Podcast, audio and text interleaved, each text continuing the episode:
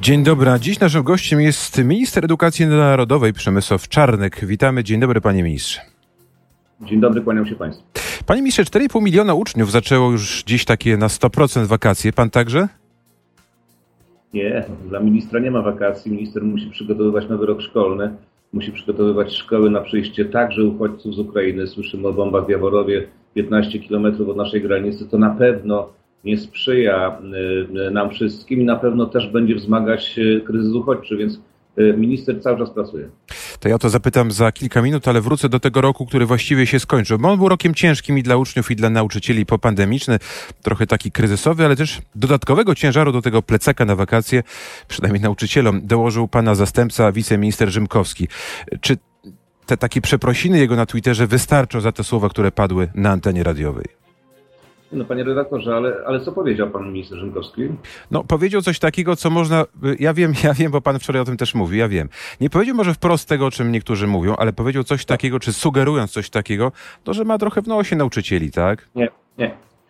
Pani redaktor Lubecka z Radia Z powiedziała, widziały gały, co brały i to ona powiedziała, a następnie większość mediów y, i portali internetowych przypisała ale, te słowa. Ale minister powtórzył. Słowa, białe gały, co brały właśnie ministrowi Rzymkowskiemu i gdyby nie te słowa, to nawet nikt by się nie zorientował, że to coś... Panie coś, ministrze, ale Tomasz Rzymkowski powiedział, nauczyciele też widzieli, co brali. No to tak, tak jakby powtórzył te słowa. Dlatego pan minister Rzymkowski przeprosił, dlatego że jeżeli to zdanie wywołało jakieś, e, jakieś powiedzmy e, urazy, to e, minister Rzymkowski jest człowiekiem kulturalnym i przeprosił, mimo że przypisywano mu później słowa, których nie powiedział, bo to, powtarzam raz jeszcze, redaktor Lubecka powiedziała, widziały gały, co brały, a w większości portali internetowych w tytułach było widziały gały, co brały Rzymkowski. To, jest, e, to nie jest dziennikarstwo, to jest manipulacja, to jest podburzanie nauczycieli przed e, wakacjami i dlatego będą pozwy ze strony pana ministra Rzymkowskiego w. Ja wiem tylko, że polityk i też tej rangi w tym resorcie powinien jednak zwracać uwagę, myślę, na każde słowo, na każdy dlatego przecinek. Przeprosił. I dlatego też go prosiłem, bo rozmawialiśmy zaraz po tych słowach e, i rozmawialiśmy przeproś, dlatego że nie wolno używać nawet takich półzdań Y, które by wywo- mogły wywołać jakiekolwiek urazy, bo to nie jest miejsce. Dlatego przeprosił zaraz po, po, tej wypowiedzi. Natomiast później, jeszcze raz powtarzam, przypisywano mu słowa, których nie powiedział, bo to redaktor Lubecka powiedziała, widziały Gały Sobrały, a to, nie Panie ministrze, to, to za co będą pozwy w takim razie? No bo jeśli nie powiedział niczego złego, tak jak pan uważa, to za co te pozwy? Za to, że w większości portali internetowych przypisano mu słowa widziały gały co brały, a to powiedziała pani redaktor Lubecka, a nie pan minister Szymkowski. To za co przeprasza w takim razie minister Rzymkowski? Przeprasza za pół zdania, które powiedział za dużo, chociaż z kontekstu też można wyczytać. Pan minister Rzymkowski mówił dokładnie to, co my mówimy od wielu miesięcy, że na spotkaniach w Belwederze prowadzonych przez panią minister Bognejankę z ramienia pana prezydenta, myśmy składali różne oferty, w tym również 36% podwyżek i to zostało odrzucone. A które pół zdania było za dużo? Bo prezes ZNP Sławomir Broniesz uważa, że wypowiedź była skandaliczna i domaga się dymisji wiceminister. Moje, moje, moim zdaniem pół zdania za dużo, to mogli zarabiać więcej, dlatego że bez, że tak powiem, otoczenia tego tym właśnie komentarzem, którym ja w którym tym zrobiłem, to zabrzmiało źle i dlatego pan minister Rzymkowski przeprosił. Natomiast rzeczywiście nauczyciele od 1 września mogli zarabiać 36% więcej, gdyby związki nauczycielskie chroniły nauczycieli, a nie swoje grupy interesów. A gdyby Senat, nie, gdyby Sejm nie odrzucił tej poprawki senackiej, która zakładała 20% podwyżki w budżetówce, no to też można powiedzieć byłoby lepiej, a tutaj Sejm zawalił. Ale panie redaktorze, budżetówka to nie tylko nauczyciele. Budżetówka to są miliony ludzi w całej Polsce, którzy dostali podwyżkę 4,4%. Jeżeli nie ma zmian systemowych u nauczycieli, to nie ma powodu, dla którego mieliby wszyscy nauczyciele dostawać więcej niż cała budżetówka. Więc y, taka jest filozofia tego, tego działania. Natomiast 20% dostaną nauczyciele, którzy zarabiają najmniej. To jest y, około 150 tysięcy nauczycieli, którzy wchodzą do zawodu albo którzy są nauczycielami pracującymi. To będzie y, łącznie 20% podwyżka wynagrodzeń od 1 września. A co pani Misze z pozostałymi? Bo... Mm bo ja myślę, że cały czas, od kiedy ja jestem dziennikarzem, a to już jest kilka dekad, to właściwie nie ma roku, kiedy nie moglibyśmy narzekać na to, że dziennik, nie dziennikarze, tylko nauczyciele zarabiają za mało. Jeśli rozmawia się z rodzicami, też wszyscy mówią o rany. Gdyby nauczyciele zarabiali więcej, poziom nauczania byłby wyższy. Zależy, z którymi rodzicami pan rozmawia. Ja też tak uważam, że powinni zarabiać więcej. I nauczyciele ze wszystkimi składnikami wynagrodzeń, które rzeczywiście pobierają, nie zarabiają tyle, co wynagrodzenie zasadnicze, tylko zdecydowanie więcej. Natomiast są nauczyciele, którzy zarabiają bardzo mało, skandalicznie mało i ci dostają 20% podwyżkę. Proszę zwrócić uwagę, że w roku 2012 było 0% podwyżki, w 2013 0% podwyżki, w 2014 0% podwyżki, w 2015 0% podwyżki, a od 2017 roku do dzisiaj to jest 35% podwyżek plus te podwyżki dla tych najmniej zarabiających, które łącznie dają im 20% wynagrodzenia więcej, to i tak jest za mało. Wiemy o tym w Prawie Sprawiedliwości. Natomiast musimy zrobić również zmiany systemowe, dlatego że y, y, karta nauczyciela z 82 roku, ze stanu wojennego, to nie jest y, dokument, który mógłby dzisiaj rzeczywiście być podstawą prawną dla działania 600 tysięcy ludzi w Polsce. I ochrona tej karty nauczyciela z przywilejami niekiedy absurdalnymi, z rozwiązaniami, które kompletnie nie przystoją do rzeczywistości i ochrona za wszelką cenę no, musi spowodować naszą reakcję. Dlatego my proponowaliśmy rozwiązania systemowe. 36% podwyżki, proszę mi pozwolić dokończyć. Urlopy y, y, osłonowe po 20 latach przy tablicy i 30 latach pracy, w ogóle czy 22 godziny pensum, ale z okresem letnim, czyli 18-22, 20-22, po to, żeby można było się przystosować Y, y, y, I proponowaliśmy również, uwaga, powiązanie wzrostu wynagrodzeń nauczycieli ze średnią krajową. Chciałem, żeby od 1 stycznia 2024 roku wynagrodzenie nauczycieli każdego roku wzrastało co najmniej o 50% wzrostu średniej krajowej. To wszystko zostało odrzucone przez związki, dlatego, że związki chronią wąskie grupy interesów nauczycieli, którzy zarabiają naprawdę po 7, 8 czy nawet 10 tysięcy złotych. Panie ministrze, ja spytam konkretnie, czy nie boi się pan strajku od września? Bo wielu nauczycieli mówi, że zarabiają za mało i od września będą znów protestować. Zresztą ZZNP od, od lat też to podkreśla.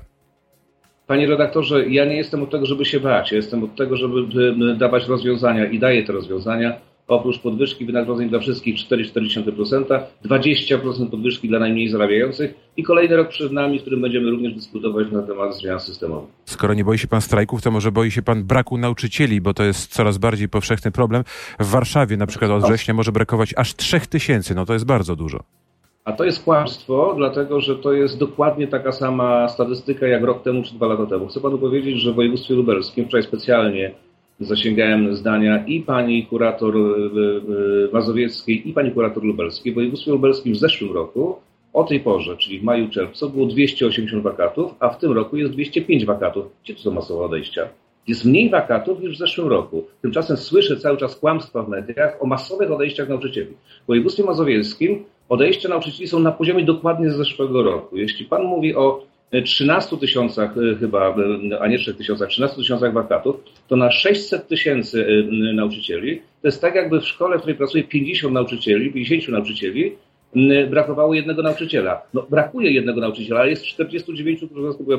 Nie ma żadnych masowych odejść i nie ma żadnych wakatów na większym poziomie niż w latach ubiegłych. Ja nie mówię o wakatach, tylko właśnie o odejściach, a to są słowa Renaty Kaznowskiej, czyli wiceprezydent e, Warszawy, to są jej słowa, to są jej opinie i jej analizy. No 3000 wrócę raz jeszcze, jeśli miałoby brakować. Niektórzy oczywiście idą na emerytury, ale niektórzy odchodzą, bo za, za mało zarabiają, a niektórzy, bo boją się zmian w prawie oświatowym, które pan wprowadza.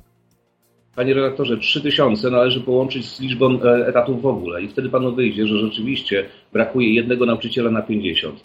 To jest wakat, który występuje również w innych zawodach. A jeśli pani Kaznowska ma problem, to bardzo proszę, żeby pan prezydent dołożył więcej pieniędzy dla nauczycieli. Zamiast płacić organizacjom pozarządowym 200 zł za nadgodzinę, to niech zapłaci nauczycielom 200 y, zł za nadgodzinę i nie będzie miał wakatów. Ma pieniądze, tylko płaci nie tym, co trzeba. No właśnie uważa, że nie ma, że y, edukacja jest największym, największą częścią tego budżetu Warszawy. No nie chcę się skupić tylko na Warszawie, ale akurat to jest ten przypadek. Y, Panie a tych pieniędzy jest coraz mniej w budżecie.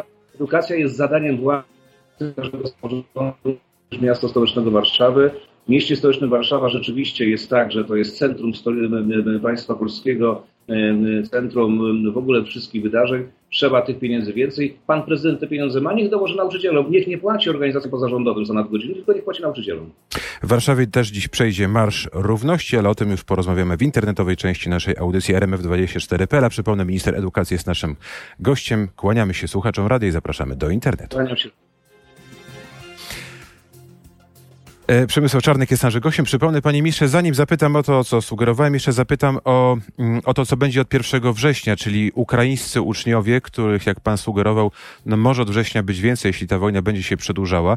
Ja jeszcze spytam, ilu Ukraińców, ilu gości z Ukrainy w tym roku szkolnym dostało polskie świadectwo, ile tej promocji do następnej klasy nie dostało, no bo nie wiem, być może na przykład za słabe mieli wyniki i ilu uczniów może Pana zdaniem szacunkowo przystąpić do lekcji w polskich szkołach od 1 września? 160 tysięcy uczniów jest w polskich szkołach podstawowych i ponadpodstawowych, no, przytłaczająca i przytłaczająca większość z nich jest w klasach mieszanych, czyli e, prawie wszyscy, jeśli nie wszyscy, otrzymali promocję do następnej klasy. W oddziałach e, przygotowawczych uczniowie przede wszystkim uczyli się języka polskiego, po to, żeby wejść do systemu takiego, tego, tego polskiego, powiedzmy do klas mieszanych już od 1 września, a 40 tysięcy, niecałe 40 tysięcy to są uczniowie przedszkoli polskich. E, a spodziewamy się, jeśli nic się nie zmieni na wschodzie, a widać, że się nie zmienia, spodziewamy się, że do naszego systemu może dojść kolejne 200-300 tysięcy uczniów po 1 września, ale jesteśmy na to przygotowani. To dużo. A ilu, proszę powtórzyć, bo była słaba jakość internetu, nie dosłyszałem, ilu uczniów nie dostało promocji, tych z Ukrainy, do następnej klasy? Nie mamy takich informacji, natomiast ja się spodziewam, że jeżeli ktoś przyjął ucznia ukraińskiego do klasy polskiej, to go wypromował bo byłoby skandalem, gdyby go nie wypromował. Jeśli ktoś nie przyjmował ucznia ukraińskiego do oddziału przygotowawczego, do klasy ukraińskiej z nauką języka polskiego, tylko go przyjął do klasy polskiej, to po to, żeby go wypromować do następnej klasy. Jeśli ktoś go przyjął i nie wypromował, no to to jest skandal, ale mam wrażenie, że takich przypadków w Polsce nie ma. Nawet, panie ministrze, jeśli te wyniki w nauce nie były dobre? Panie redaktorze, jeszcze raz powtarzam, myśmy stworzyli system elastyczny i pozwoliliśmy dyrektorom i nauczycielom podejmować decyzje mm, samodzielnie. Jeśli uczeń nadaje się do tego, żeby być w polskiej klasie, to się go uczy w polskiej klasie i, i ocenia się tak jak polskie dzieci. Jeśli uczeń nie rozumie języka polskiego, po to tworzyliśmy oddziały przygotowawcze z większą płatnością. Przypomnę, że rząd polski płaci każdego miesiąca, każdego miesiąca rzetelnie za wszystkich uczniów ukraińskich w polskich szkołach, y, przelewa te środki finansowe w ramach zwiększonej subwencji dla samorządu.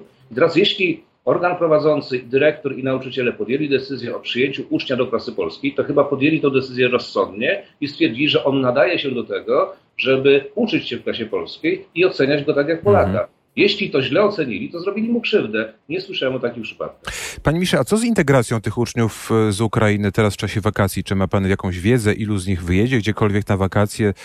Czy tu działa, działa w jakiś sposób trochę państwo, trochę inne organizacje pozarządowe? Jak to wygląda? Mamy to szczęście, że podpisaliśmy e, porozumienie z UNICEF-em e, i w przyszłym tygodniu będziemy ogłaszać środki finansowe, które idą z UNICEF-u przez e, jedną z fundacji. My jesteśmy koordynatorem tylko i wyłącznie dla polskich samorządów na organizację półkolonii w całej Polsce.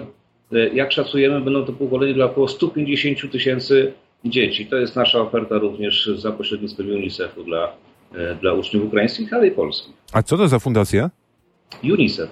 Ale... A ta fundacja, ta fundacja, która będzie pośrednikiem, y, to jest Fundacja Wolność i Demokracja. Mhm. Panie ministrze, no to polityka. Spytam pana o to, dlaczego w tym tygodniu, który już właściwie jest za nami, mm, Prawo i Sprawiedliwość odrzuciło w Sejmie projekt liberalizujący prawo aborcyjne, mimo że PiS zapowiadał jakiś czas temu, że mm, żaden projekt obywatelski w pierwszym czytaniu nie będzie odrzucony, że to jest właśnie takie proobywatelskie spojrzenie, no stało się inaczej. Cieszę się z tego, co się stało w Stanach Zjednoczonych i co słyszeliśmy w w, w, w, informacjach tuż przed naszym programem. Proszę Państwa, y, od mniej więcej 68 roku w Europie Zachodniej i w świecie Zachodu obserwujemy powolny upadek naszej cywilizacji. Jeśli ze zbrodni robi się prawo, y, to mamy do czynienia z jakimś koszmarnym pomyleniem pojęć. Y, aborcja jest zbrodnią, jest zabójstwem, to nie jest prawo i w związku z tym nigdy nie będziemy głosować za zbrodnią. To jest zupełnie oczywiste. Y, nie każdy projekt obywatelski nadaje się do głosowania. Projekt, który ze zbrodni robi prawo, nie nadaje się do głosowania za. E, tylko, że posłowie z pana ugrupowania mówili inaczej. Ja pamiętam takie słowa pani poseł Lichowskiej, która właśnie mówiła, że tym się różni PiS od Platformy Obywatelskiej, że nie odrzuci w pierwszym czytaniu żadnego obywatelskiego projektu. Nazywam się Przemysław Czarnek, a nie Joanna Lichocka. No dobrze, ale można było na przykład dać do dalszego czytania w komisjach, prawda, i w ten sposób troszeczkę umyć ręce. Panie redaktorze, wyobraża sobie pan na przykład projekt, że będziemy zabijać staruszka, który nie ma nóg i, i, i, rąk, tylko dlatego, że nie jest w stanie samodzielnie żyć i będziemy go procedować przez komisję? Przecież to jest skandal. Powtarzam raz jeszcze, w Europie i w świecie zachodu jesteśmy świadkami od 68 roku, to jest bardzo ważna data, jesteśmy świadkami upadku naszej cywilizacji. Upadek naszej cywilizacji polega na tym, że wartości, które leżały u podstaw naszych społeczeństw od e, setek lat, od setek lat, a nawet od tysięcy lat, dzisiaj są nie tylko rugowane, ale są zwalczane całkowicie. I mniej, między innymi przejawem tego i przykładem tego jest czynienie ze zbrodni prawa. No, Zbrodnia nigdy nie jest prawem. Część naszych słuchaczy pewnie się z panem ministrem zgodzi, część powie, że te słowa nie są ich y, światopoglądem. No zresztą widzimy to, co dzieje się w Stanach, w, bardzo duże Ale protesty. To nie, zmienia faktu, to nie zmienia faktu, panie redaktorze, że człowiek, który jest w łonie matki, jest po prostu człowiekiem, bez względu na to, kto by miał jakie poglądy. Nie zmienia to też faktu, że człowiek, który nie ma rąk i nóg, nie może żyć samodzielnie, też jest człowiekiem. I każdy człowiek ma prawo do życia i to stwierdził Trybunał Konstytucyjny nie tylko w tym orzeczeniu sprzed półtora roku, ale również w orzeczeniach sprzed 20 lat. Panie ministrze, czy to, co stało się w Stanach, ten, ten werdykt Sądu Najwyższego, to jest taki wzór dla polskich władz, dla Prawa i Sprawiedliwości, dla takich ludzi jak pan? Ja jestem e, absolutnie zadowolony, nawet szczęśliwy z tego faktu, że Sąd Najwyższy Stanów Zjednoczonych stanął po stronie praw człowieka, a nie nazywa zbrodni prawem. Jeszcze raz powtarzam, nie można ze zbrodni czynić prawa, bo pójdziemy dalej. Są etycy, którzy w Europie Zachodniej, Włosi, dwóch Włochów, którzy 20 lat temu, publikowała to Gazeta Wyborcza, wymyślili aborcję ponatalną. Nie wiem, czy Państwo słyszeliście. Ponieważ człowiek, który się rodzi i tak nie żyje samodzielnie, i tak sam nie może na tym świecie funkcjonować, więc rodzice mieliby mieć prawo, jeśli mu się nie podoba, do tego, żeby go uśmiercić również po urodzeniu. Znaczy, tego rodzaju bzdury można wymyślać, jeśli, powtarzam raz jeszcze, ze zbrodni czyni się prawo. Zbrodnia nigdy nie jest prawem. Ja bardziej chciałem usłyszeć Pana opinię, czy Prawo i Sprawiedliwość będzie dążyło do takich przepisów prawa, jakie właśnie uchwalił Sąd Najwyższy w Stanach Zjednoczonych. Ale my mamy w Polsce dzisiaj przepisy prawa, które mogą być wzorem dla całego świata. Y, dzisiaj w Polsce chronimy życie człowieka w każdym etapie jego rozwoju i na każdej, na każdym, no, w każdej fazie jego rozwoju. Najlepiej w Europie i najlepiej w świecie, więc nie musimy z nikogo brać przykładu. Czyli zaostrzenia tych przepisów, które są w Polsce, nie będzie? Absolutnie nie będzie, absolutnie nie będzie. Panie ministrze, a będzie to temat, nie wiem, no może numer jeden albo dwa tej kampanii wyborczej, która chyba już się rozpoczęła? Myślę ja o aborcji i tym wszystkim wokół tego. Kampania wyborcza trwa od początku funkcjonowania Sejmu kadencji, na którą został wybrany. Tak, z takiego założenia my wychodzimy, dlatego cały czas e, robimy, podejmujemy decyzje, które na kampanię wyborczą tak mają wpływ. Natomiast czy to będzie element przewodni tego, powiedzmy, szczytu kampanii wyborczej, nie wiem.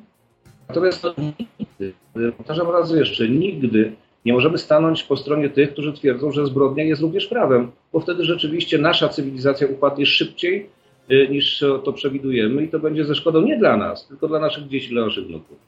Agnieszka Ścigaj przyszła do rządu kilka dni temu. Y, to jest dobra decyzja? Dobre wzmocnienie rządu? Y, każdy, kto chce współpracować z Prawem i Sprawiedliwością i w realizacji jego reform, ma prawo do tej współpracy. Jeśli pani Agnieszka Ścigaj i polskie sprawy chcą wspomagać rząd w reformowaniu naszego kraju, to to jest bardzo dobra decyzja. Pytam o to także dlatego, że to jest jedna z tych osób, które pana kiedyś mocno krytykowały, nawet domagając się, jeśli dobrze pamiętam, pana dymisji. Jak się teraz będzie z taką osobą współpracowało w jednym rządzie? Widać, widać, zmienili zdanie i stwierdzili, że można współpracować również ze mną, skoro chcą współpracować z rządem Rzeczypospolitej Polskiej, a jestem częścią tego rządu. A to jest tak, że pani Agnieszka Ścigaj i jej no, ten taki, no, jak niektórzy mówią, plankton polityczny no, wzmocni w jakiś sposób rząd merytorycznie? Po co takie rzeczy się robi? Myślę, że pani Agnieszka Ścigaj, pani ministra Agnieszka Ścigaj to jest y, niezwykle inteligentna i dobrze wykształcona osoba, która zawsze będzie y, swoimi kompetencjami wspomagać rząd, jeśli chce z nim współpracować. I w związku z tym taka decyzja pana premiera i przywództwa Prawa i Sprawiedliwości. Ja jestem z tej decyzji bardzo zadowolony. Myśli pan, że będą w tej kadencji jeszcze jakieś kolejne tego typu ruchy? Widzi pan siłę przeciągania? Ja jestem ministrem edukacji i nauki i zajmuję się przede wszystkim tym, co jest w obszarze edukacji i nauki. Nie zajmuję się polityką w tym wymiarze, e, a cieszę się, że przywództwo e, Prawa i Sprawiedliwości z panem prezesem na czele i pan premier Morawiecki jako szef rządu podejmują takie działania, które przekonują innych posłów, kiedyś będących w opozycji, również do mnie, do tego, żeby współpracować z tym rządem, bo to jest bardzo dobry rząd. Panie ministrze, ale pewnie jako minister edukacji też myśli pan o tym, co, co stało się ostatnio z młodymi ludźmi z Izraela. Myśli o tych wycieczkach, które tu przyjeżdżały do Polski masowo, poznając no, miejsca martyrologii własnego narodu. Od jakiegoś czasu no, wiemy, że one nie będą przyjeżdżały. Pytanie, jak długo? Czy w ogóle resort, w jakiś sposób pana resort nadzoruje to wszystko i, i rozmawia ze stroną izraelską, żeby to wróciło do normy? Ale dlaczego mielibyśmy rozmawiać ze stroną izraelską, skoro to resort, e, czy w ogóle rząd izraelski stwierdził, że nie będą młodzieńcy izraelscy przyjeżdżać do Polski, więc I no tak, bo my zabroniliśmy tej obrony z bronią ostrą, tak? I o to poszedł cały tak, spór. Polska jest suwerennym krajem, y, niepodległym, ma swoje służby, jest jednym z najbezpieczniejszych krajów na świecie i nie potrzebuje obcych służb z bronią w ręku na naszym terytorium. To jest zupełnie oczywiste, to wynika również z porozumień. Ja pójdę dalej, powiem panu coś więcej.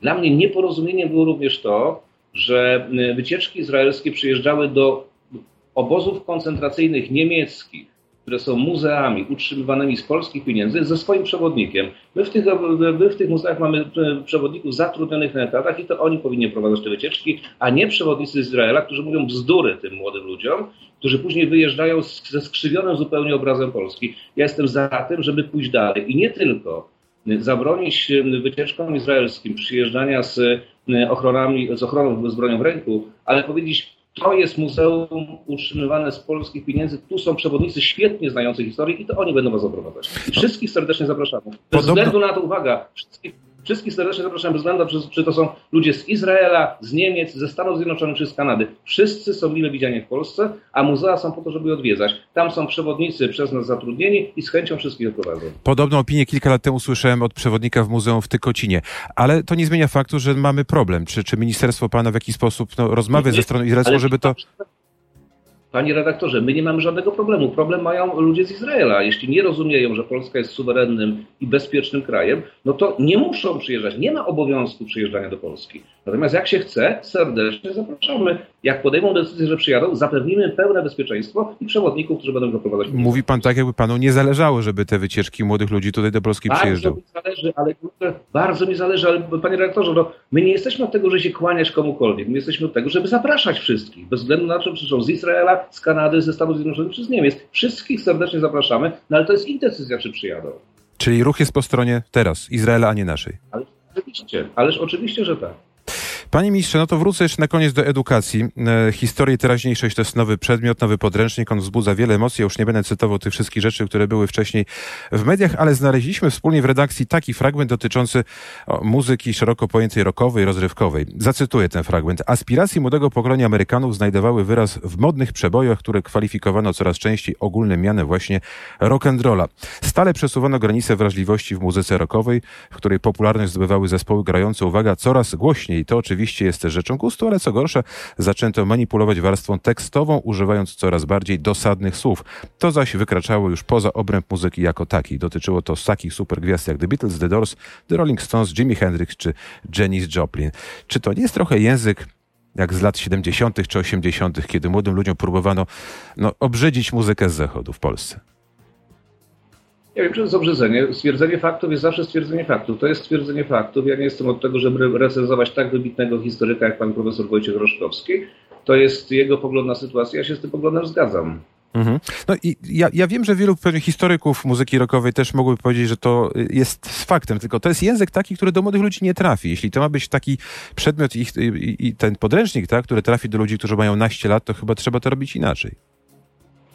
No, to jest pańskie zdanie, ja je szanuję, natomiast e, podręcznik, który został napisany przez wydawnictwo Biały Kruk i pana profesora Roszkowskiego uzyskał merytoryczne oceny, bardzo dobre w naszym, w naszym ministerstwie. Jest jedna ocena językowa skandaliczna, bo pan recenzent skupił się nie na języku, tylko na swojej ocenie tego podręcznika, co nie było jego rolą.